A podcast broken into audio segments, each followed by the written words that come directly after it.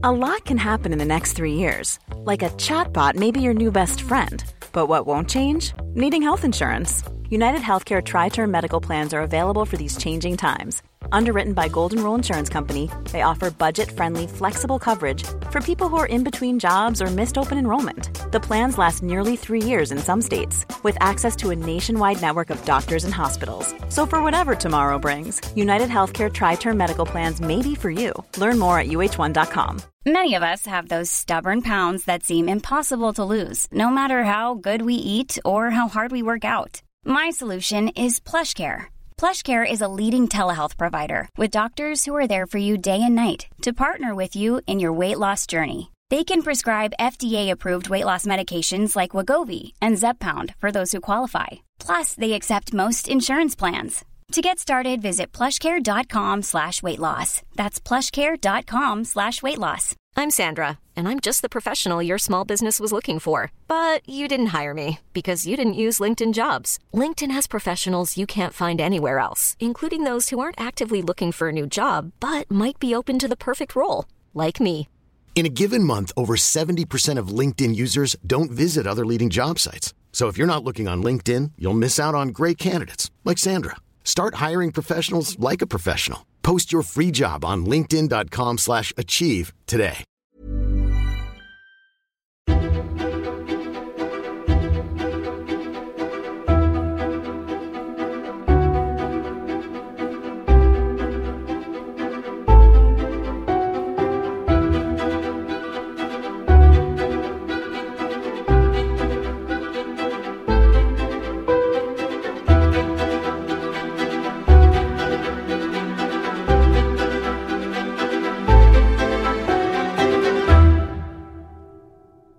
Välkomna till Krimmagasinet, en ny aktualitetspodd inom ämnet True Crime.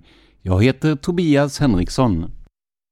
I Krimmagasinet tar vi upp aktuella fall, sådana som har hänt sedan förra avsnittet. Det blir alla typer av fall och alla typer av brottslighet, så jag är säker på att ni kan hitta avsnitt som passar just er. Vi kommer också att ta upp såväl historiska fall som lite mer udda juridiska händelser, så det finns all anledning att gå tillbaka och lyssna om på de här avsnitten, även om huvudfallet oftast är något som hänt relativt nyligen. Om du vill stötta den här podden ekonomiskt så går det alldeles utmärkt. Gå in på patreon.com krimmagasinet och donera en valfri summa. Med den här podden, som ju kommer ut varje vecka, har jag valt att fakturera månadsvis, så värdena är lite högre än vad ni är vana vid från mina andra poddar, där ni betalat per avsnitt. Men med de två nivåer jag har just nu motsvarar det 2 respektive 5 dollar per avsnitt. Och om du hellre vill göra en engångsdonation så hittar du alla sätt att göra detta på i avsnittsbeskrivningen. Som vanligt vill jag utfärda en varning inför dagens avsnitt. Idag kommer vi att avhandla mord, sexuellt våld, kommersiell sexuell exploatering, det som tidigare kallades prostitution, och styckningar, ja, i plural. Så är du känslig för detta så bör du kanske lyssna på ett annat avsnitt. Och apropå det, lyssnar ni på min andra podd, Minuter med mord någonting? I så fall har ni nyligen hört ett historiskt fall där som rör en slaktare med rötterna i Östeuropa. Jag blev så fascinerad av det här fallet att jag bestämde mig för att bygga ut det och använda det som historiskt fall i krimmagasinet också. Dagens ämne är alltså den polske slaktaren Stanisław Gonerka. Det som fick mig intresserad för den här personen var fallet Katrin da Costa. Som ni minns hittades da Costas styckade kropp i två plastsäckar i Solna-trakten, men delar av kroppen saknades, däribland huvudet och brösten. Ett antal personer var misstänkta i utredningen, bland annat da Costas sista kund, i och med att hon sålde sex för att finansiera sitt narkotikamissbruk. Men det var två läkare, kallade allmänläkaren och obducenten i media, som kom att utsättas för polisens spaningar. De båda greps och häktades på vad som i efterhand tycks vara rätt lösa grunder. De ställdes också inför rätta men efter ett stort antal rättegångar kom man fram till att de två inte kunde bevisas ha mördat da Costa. Alltså skulle de frias. Men samtidigt skrev man i domskälen att det stod utom rimligt tvivel att de styckat kroppen, vilket fick till följd att de båda läkarna blev av med sina läkarlegitimationer och inte kunde utöva sitt yrke. De kunde heller inte överklaga domen, för en friande dom går inte att överklaga. Och man kan inte heller överklaga skrivelser i domskälen, så man kan säga att de båda läkarna friades, men dömdes till livstids yrkesförbud. Det är också intressant att rättsläkaren Jovan Reis valde att förlägga den dödande skadan till huvudet, det vill säga just den del av kroppen som inte hittats. Hur som helst, debatten om de båda läkarnas skuld eller oskuld har varit intensiv sedan 1984 då Katrin hittades. På ena sidan finns det de som menar att domen är ett rättsövergrepp på läkarna och på andra sidan står de som är övertygade om deras skuld. Dessutom har debatten fått politiska undertoner då frågan om hur mycket man kan lita på en narkoman utsatt för kommersiell sexuell exploatering, det vi tidigare kallade prostitution. För det var just narkotikapåverkade olyckssystrar till Katrin som vittnade om att i alla fall en av de båda läkarna synts på Malmskillnadsgatan och också köpt sex. Men om det nu inte var läkarna som mördade Katrin da Costa, vem var det då? Om hon nu verkligen blev mördad alltså, vilket inte heller det har gått att säga i och med att huvudet saknas. Författaren Per Lindeberg lyfter fram en mycket intressant person i sin bok Döden är en man. Men för att få bakgrunden till honom måste vi se vad som skrevs i obduktionsutlåtandet av da Costas kvarlevor. Jovan Reis menade nämligen att personen som styckat da Costa bör ha haft kunskaper i kirurgi och eller ortopedi att döma av sättet att stycka på. Personen eller personerna har med andra ord haft bra kännedom om människokroppen. Det gör att läkare är rimliga som misstänkta, men också slaktare eller styckmästare. Det ska också tilläggas att idén om att den som styckade hade specialkunskaper som överensstämde med en läkares skrevs in i obduktionsutlåtandet efter att Jovan Reis fått reda på att den så kallade obducenten, hans kollega på rättsläkarstationen, var misstänkt för mordet. Så vi får en problematik här som kan beskrivas i formen av vad som kom först, hönan eller ägget? Var det misstankarna mot en kollega som fick Rice att skriva så i utlåtandet? Eller var det styckningssättet som faktiskt fick honom att misstänka sin kollega? Därom tvistar Ende lärde. Men om vi bortser från läkare ett ögonblick och tittar på samtida kriminella som styckat tidigare, fanns det då någon som var lite extra intressant? Ja, det gör ju faktiskt det. Han heter Stanisław Gonerka Och jag ska säga med en gång att L i hans förnamn är det jag kallar för ett polskt L, det vill säga ett L med ett snedstreck igenom. Enligt Wikipedia ska det uttalas citat som ett halvgutturalt engelskt W, slutcitat. Så jag ska försöka komma ihåg att säga Stanisław med korrekt uttal. Stanisław Gonarka föddes den 7 juni 1927 i polska Obudna och hade enligt egen uppgift en väldigt svår barndom i sitt hemland. Bland annat var han eh, som tonåring placerad hos en tysk bonde för att utföra tvångsarbete. Detta under tiden som Nazityskland ockuperade Polen. Under samma period, nämligen någon gång 1944 till 1945, satt Gonärka i arbetslägret Leslau i Polen, men överlevde det och utbildade sig till styckmästare någon gång i 20-årsåldern. Dessförinnan hade han arbetat som polis och enligt egen utsago bevittnat tortyr av anhållna personer. Huruvida han själv deltagit i tortyren framgår inte vid de polisförhör som hölls med honom på 1970-talet.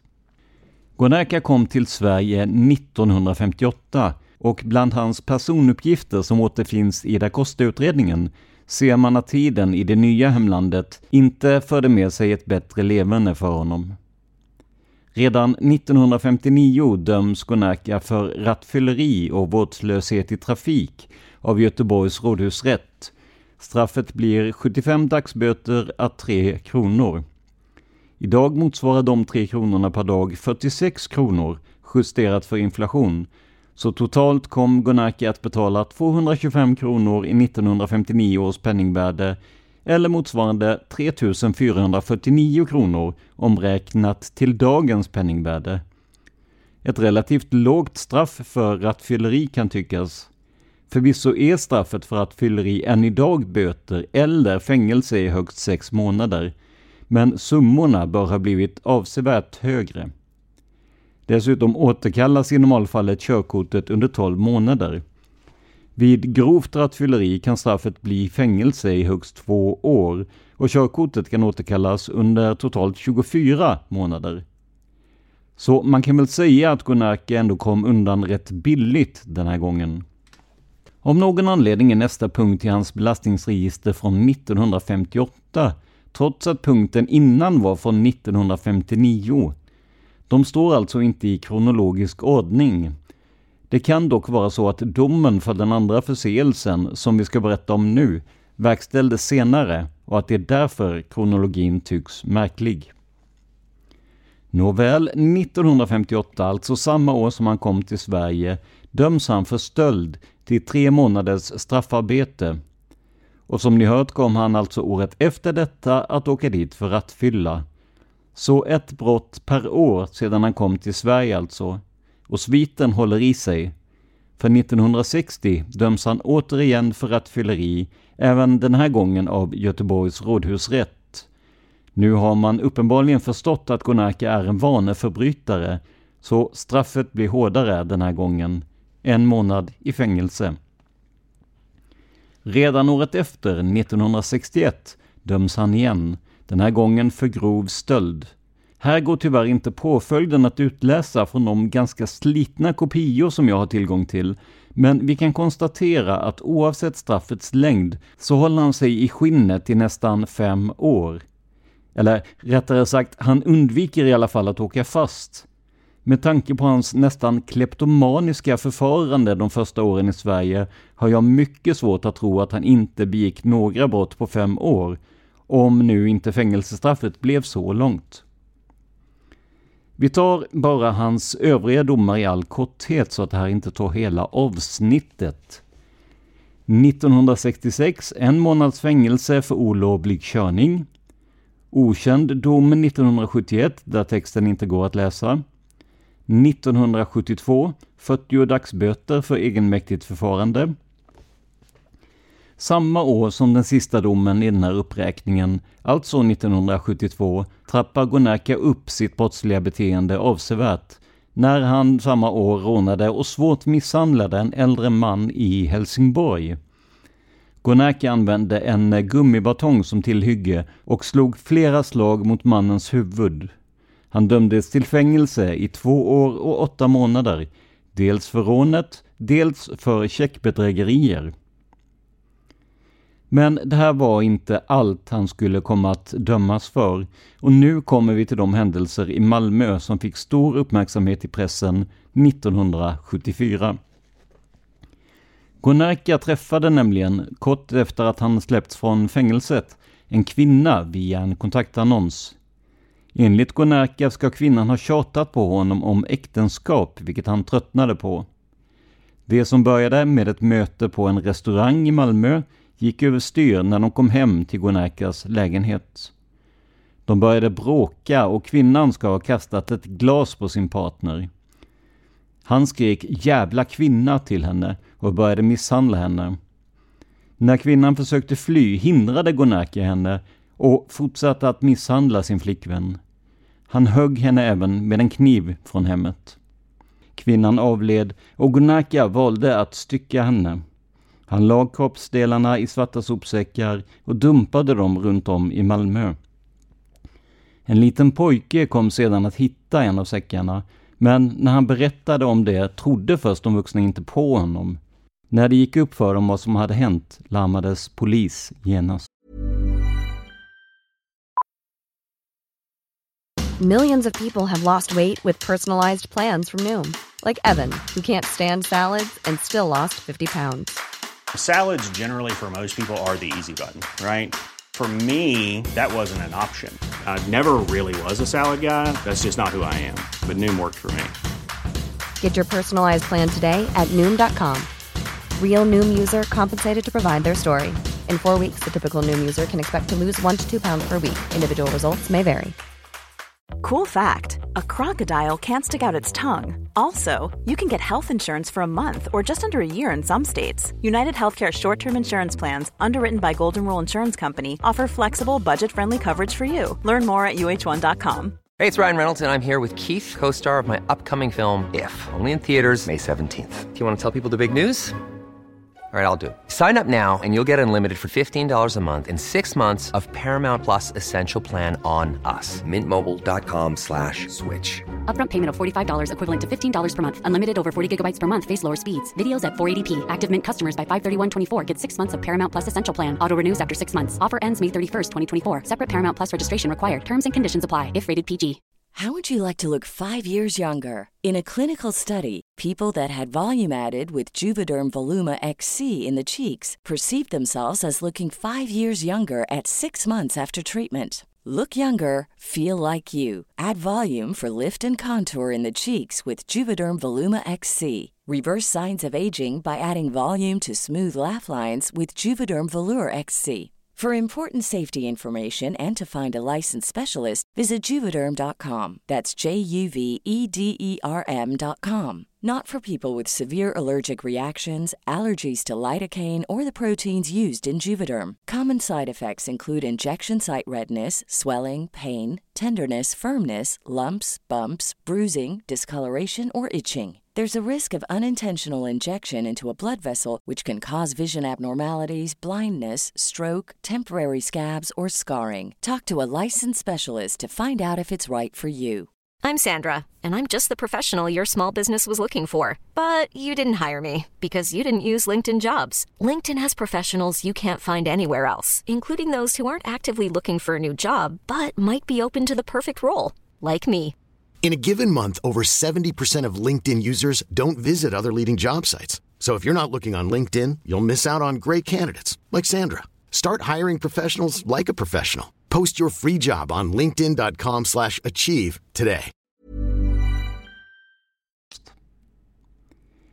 Vi ska gå in på varför det här fallet skulle kunna kopplas samman med Katrina Costa. Men först ska vi se vad tidningarna skrev om fallet när det inträffade. Den här artikeln är från Aftonbladet från den 25 augusti 1974. Artikeln är skriven av Ramon Sander, citat. Rubrik Styckningen ledde polisen direkt till slaktaren. Ingress Malmö, Aftonbladet.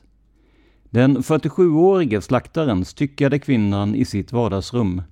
Sen placerade han låren i sopbehållaren och kvinnans bål och armar på sin balkong. Rättsläkaren kunde genom undersökning konstatera att styckningen skett professionellt. Spåren ledde direkt till slaktaren. Den 47-årige slaktaren sitter nu anhållen som misstänkt för mord. Slutingress. Den anhållne har enligt polisen gjort vissa medgivanden sedan personal från kriminalens våldsrotel hittat den styckade kvinnans bål och armar i en plastsäck på balkongen i hans lägenhet i Malmö.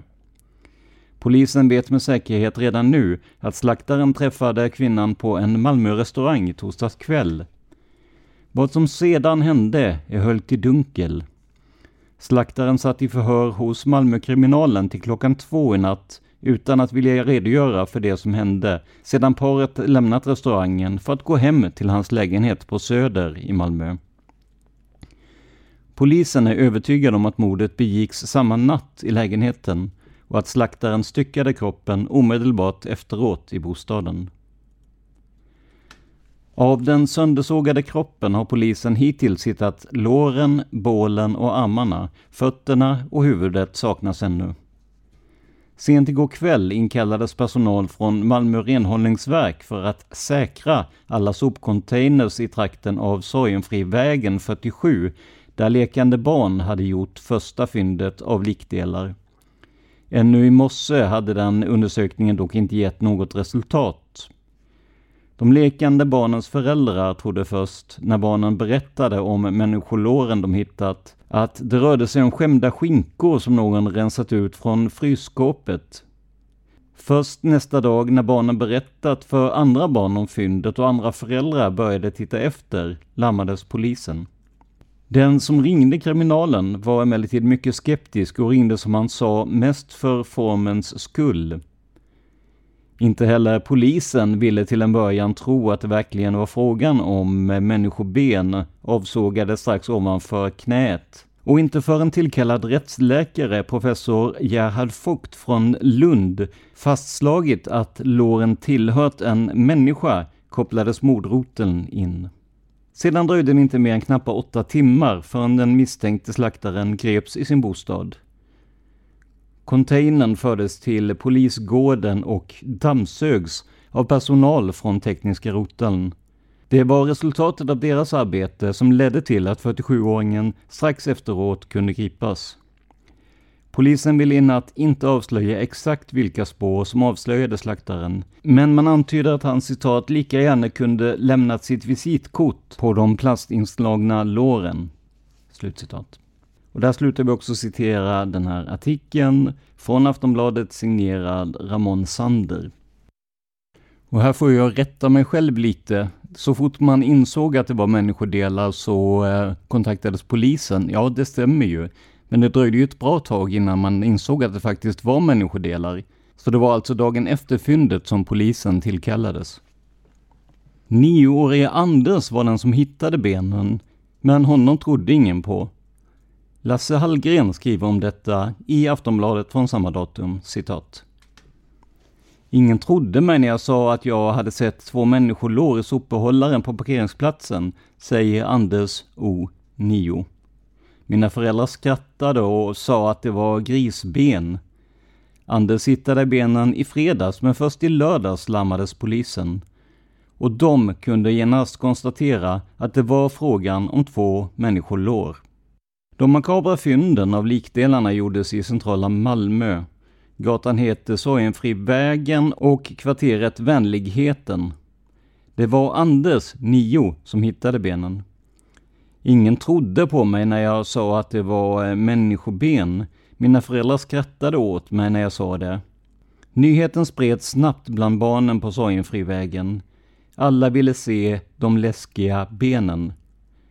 Carl Gustav A. Åkare berättar. Mina barn, Torbjörn 9 och Kerstin 8, kom hem och berättade att det fanns jätteroliga ben i sopbehållaren. Människoben, sa de. De och alla andra ungar i kvarteret samlades runt containern för att få se en skymt av benen. Jag trodde inte för ett ögonblick att det var fråga om likdelar som låg där. Jag trodde det var ungarna som hade läst för mycket serietidningar. Jag sa till dem att det var grisfötter eller eh, grisar som hade blivit slängda för att de hade surnat. Ett dygn efter att Anders O hade hittat människodelarna i sopbehållaren tröttnade några föräldrar på barnens tjat om de spännande benen. De följde med ungarna på förmiddagen till containern. De såg benen men trodde inte heller att det var lår av en människa som låg där. De tyckte också att det var grisben. Men för säkerhets skull så larmade de polisen. Polisen kom till platsen och containern fördes till polishusets gård. Professor Gerhard Vogt vid Rättsmedicinska institutet i Lund kunde efter en första besiktning konstatera att det rörde sig om människolår. Låren var skilda från kroppen vid lårbenshalsen och avskurna vid knäskålen. Professor Vogt kallar styckningen mycket professionell. Soplådan var halvfull och låren låg i en genomskinlig plastpåse, berättar Anders O. Vid sidan av benen låg en hög urklipp av dödsannonser. Benen var tjocka och det var svart hår på dem, så jag förstod att det inte var grisben. Jag tyckte inte att det var så hemskt just då, men nu tycker jag att det är jätteläskigt. Hans kompis Peter S, 11, berättar. Först gick vi dit allihop och tittade. Det är först nu vi förstår hur hemskt det egentligen var. Många av de mindre började gråta då polisen hittade containern och de fick reda på att det verkligen var människoben och de tordes inte gå i närheten av platsen där sopbehållaren stod. Det var vid middagstiden på fredagen som eh, Anders hittade benen, strax efter han slutat skolan. Barnen i området går ofta till sopbehållaren för att titta efter om det finns eh, leksaker, cykeldelar eller serietidningar slängda. Man kikade i behållaren också i torsdags och då fanns där inga ben. Där slutar vi citera artikeln där vi har utelämnat efternamnen på personerna. Men den som skrev artikeln heter Lasse Hallgren. Så det här var alltså inledningen till historien om hur Stanislav Gonaka blev en styckmördare. Och ni som kan fallet Acosta lägger såklart märke till vissa likheter.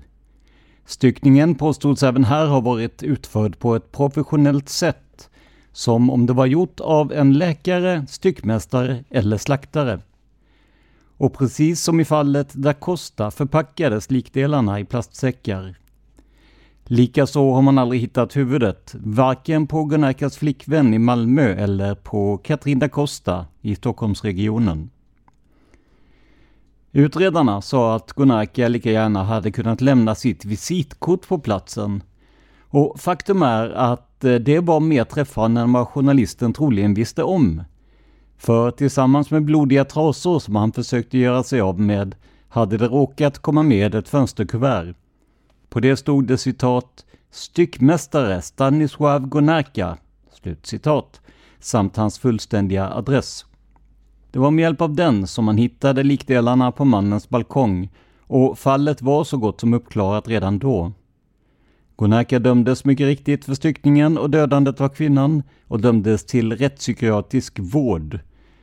Jag har inte hittat några uppgifter om huruvida det fanns särskild utskrivningsprövning på den tiden, men det verkar inte så. För bara lite drygt två år efter brottet fick Gonarka permission för att besöka släktingar i Polen. Under tiden i sitt forna hemland begår han nya brott och grips. Men nu ser den polska polisen att han, trots sitt ursprung, är svensk medborgare. Det innebär att han ska utvisas till Sverige, om inte annat så för att fortsätta sitta av det straff han fått. Men här går någonting väldigt, väldigt fel. För den polska polisen sätter Gonarka på nästa färja till Ystad och så är problemet ur världen för dem. Men det de inte gör är att meddela de svenska myndigheterna om att deras styckmördare är på väg tillbaka till sitt nya hemland. Detta kommer att få ödesdigra konsekvenser. Men det kommer vi till i nästa avsnitt av Krimmagasinet. En liten kommentar om uttalet här då. Jag har försökt att säga Stanislav Gonarka och inte Stanislav. Har jag missat det någon gång så ber jag så mycket om ursäkt för det. Likadant såg jag att vissa skriver hans efternamn som Gorenka och vissa som Gonarka. Men enligt Sveriges dödbok så är det Gonarka det ska vara. Har jag sagt fel vid något tillfälle så hoppas jag ni har överseende med det. Om ni tycker om den här podden och vill stötta den ekonomiskt så går det alldeles utmärkt. Ni hittar alla sätt att göra detta på i avsnittsbeskrivningen. Vill du komma i kontakt med oss? Maila till krimmagasinet aprsmedia.se. Här tar vi emot feedback, frågor och förslag på ämnen eller gäster. Det här var veckans avsnitt av Krimmagasinet av med mig Tobias Henriksson på PRS Media. Vill du veta mer om mig och mina projekt? Besök facebook.com prsmedia.se eller gilla oss på Instagram där vi heter PRS Media. Ett ord, små bokstäver. Låten i vårt intro och outro är som vanligt Life Decisions och den görs av Remember the Future. Stort tack för att ni lyssnar på just den här podden. Vi hörs nästa fredag.